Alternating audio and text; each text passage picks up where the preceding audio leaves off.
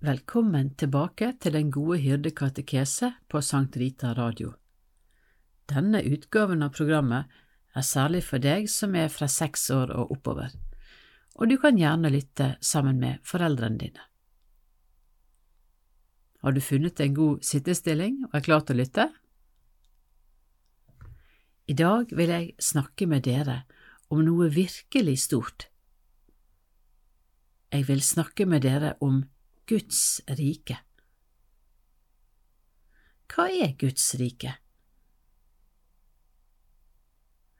Hvordan er Guds rike? Når begynte Guds rike? Har det en ende? Hvor finner vi Guds rike? Jesus snakker ofte om dette store mysteriet, Guds rike, på mange måter.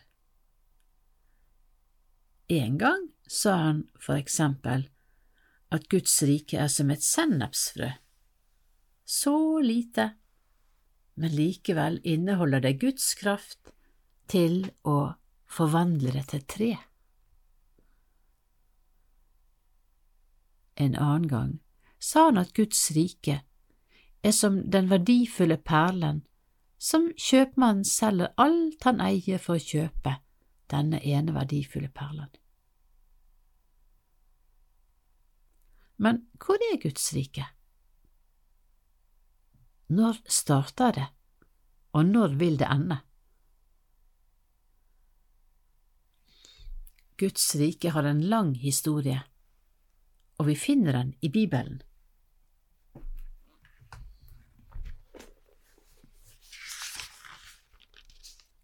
Aller først i Bibelen står det I begynnelsen skapte Gud himmelen og jorden. Vitenskapen hjelper oss til å forstå at det er veldig lenge siden Gud begynte å skape verden. Så lenge siden at vi vet ikke nøyaktig når. Men ved et stort smell har alle stoffene som verden er bygd opp av, blitt slengt utover og sakte, men sikkert funnet sine plasser i det Gud skapte orden. Gud skapte mengder av stjerner og planeter, også solen og vår egen jordklode. Til å begynne med var jorden vår bare en klode med stein uten noe levende.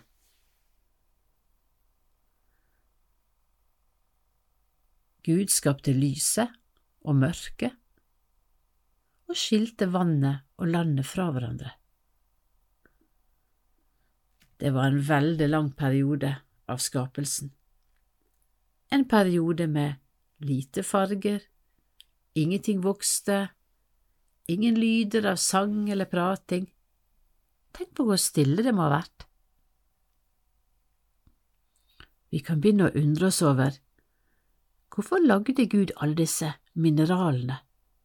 Hvorfor så mange ulike steinsorter og metaller? Hvorfor vannet? I Bibelen står det at Guds ånd svevde over vannene, og etter lang tid blei de første levende organismene skapt nettopp i vannet.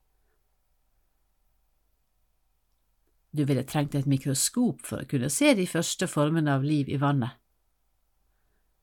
Men sakte og over hundrevis og tusenvis av år så spredte planteriket seg til land, og gras og trær og blomster begynte å dukke opp. Vi kan se for oss hvor mye mer interessant og vakker jorden nå er blitt. I tillegg til nektar, frukter og nøtter skapte disse plantene oksygen. Gir dette oss et hint om hva Gud skulle skape som det neste? Hvilke andre skapninger trenger oksygen for å leve? dyr. Dyrene begynte først å dukke opp i havet, så i luften, og så på land, landdyr.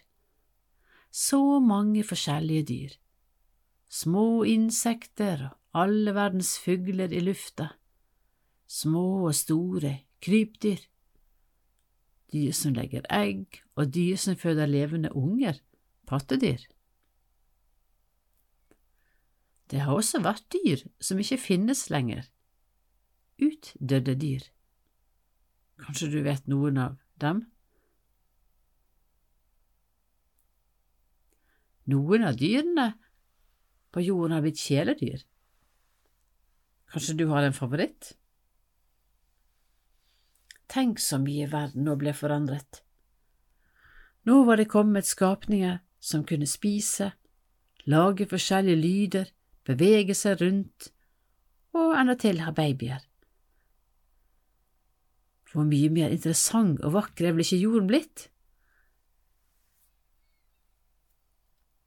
Så skapte Gud en skapning som kunne se seg rundt og legge merke til disse tingene som var så vakre og nyttige.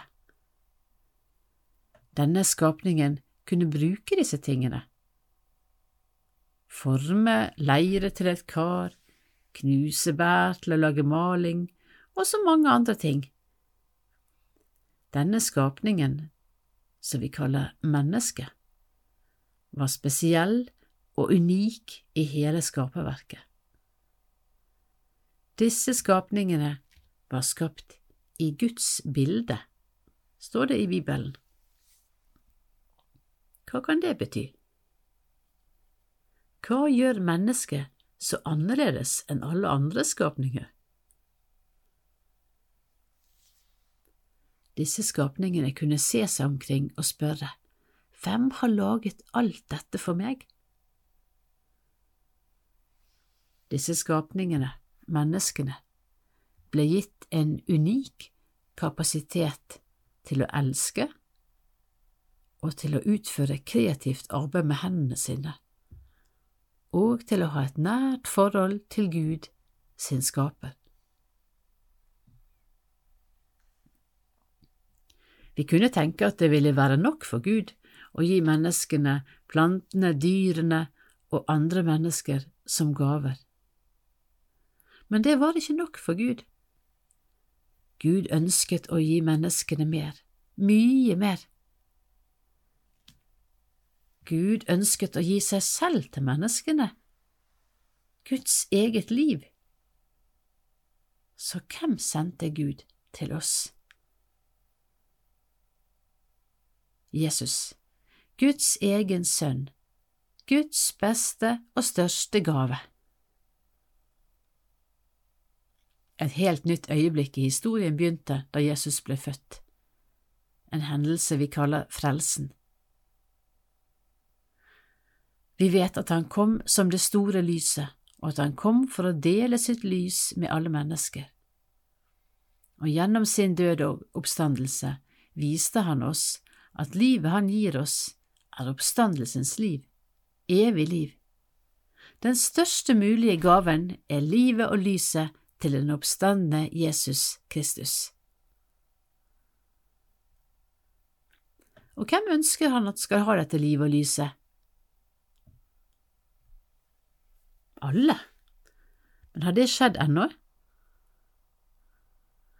Eller skjer det fremdeles dårlige ting i verden så ikke lyset alltid får skinne. Skal det alltid være som det er nå, med en blanding av gode og dårlige ting? Nei, Jesus og profetene har fortalt oss at det skal komme en tid da Gud skal være alt i alle. Denne tiden forkynner vi på hver eneste messe. Den tiden da Jesus Kristus skal komme tilbake, og vi kan se ham i all sin prakt. Den tiden kaller vi parosia, som betyr å komme igjen. Parosia er i fremtiden, men vi vet ikke hvor lenge det er til. Men vi gleder oss til denne hendelsen. Guds rikes historie er som en veldig stor bok. Fra Bibelen vet vi så mye om dens fortid, og vi vet også om hvordan den skal ende. Men det er så mange sider igjen å skrive mellom nå og da, for at Gud skal bli alt i alle. Jesus har sagt at han er avhengig av oss for å spre sitt liv og lys til alle folkeslag og alle steder. Dette frelsesarbeidet fortsetter i dag, og Jesus har invitert oss til å hjelpe ham med å skrive de sidene som er igjen, med vårt liv og vårt arbeid i kjærlighet.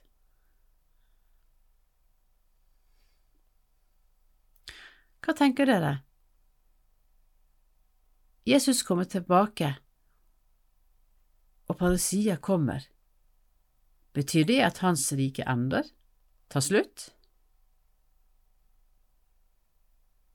Eller er det bare historien som ender?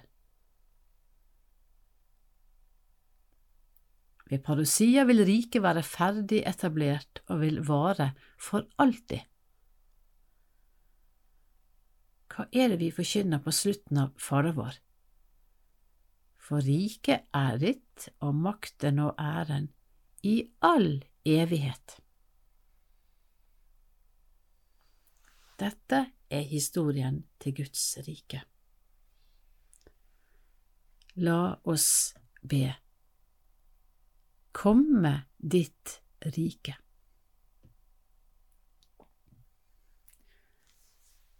Guds rike kommer til den som tror. Guds rike er hos oss på denne jord. Guds rike kommer til den som tror. Guds rike er der hvor Jesus bor. Guds rike er nær, Guds rike er nær. Guds rike er der hvor Jesus er. I evighet står det fast som fjell. Guds rike, det er Jesus selv. Guds rike kommer til den som tror. Guds rike er hos oss på denne jord. Guds rike kommer til den som tror. Guds rike er der hvor Jesus bor. Kanskje du nå har lyst til å tegne noe fra alt det vakre Gud har skapt. Du kan også lage deg en egen tidslinje på et stort ark eller sette flere ark sammen og tegne inn noe av det Gud har skapt, og markere hvor Jesus blir født, frelsen, og hvor Jesus kommer igjen, i parousia. Og du kan skrive litt om det hvis du vil.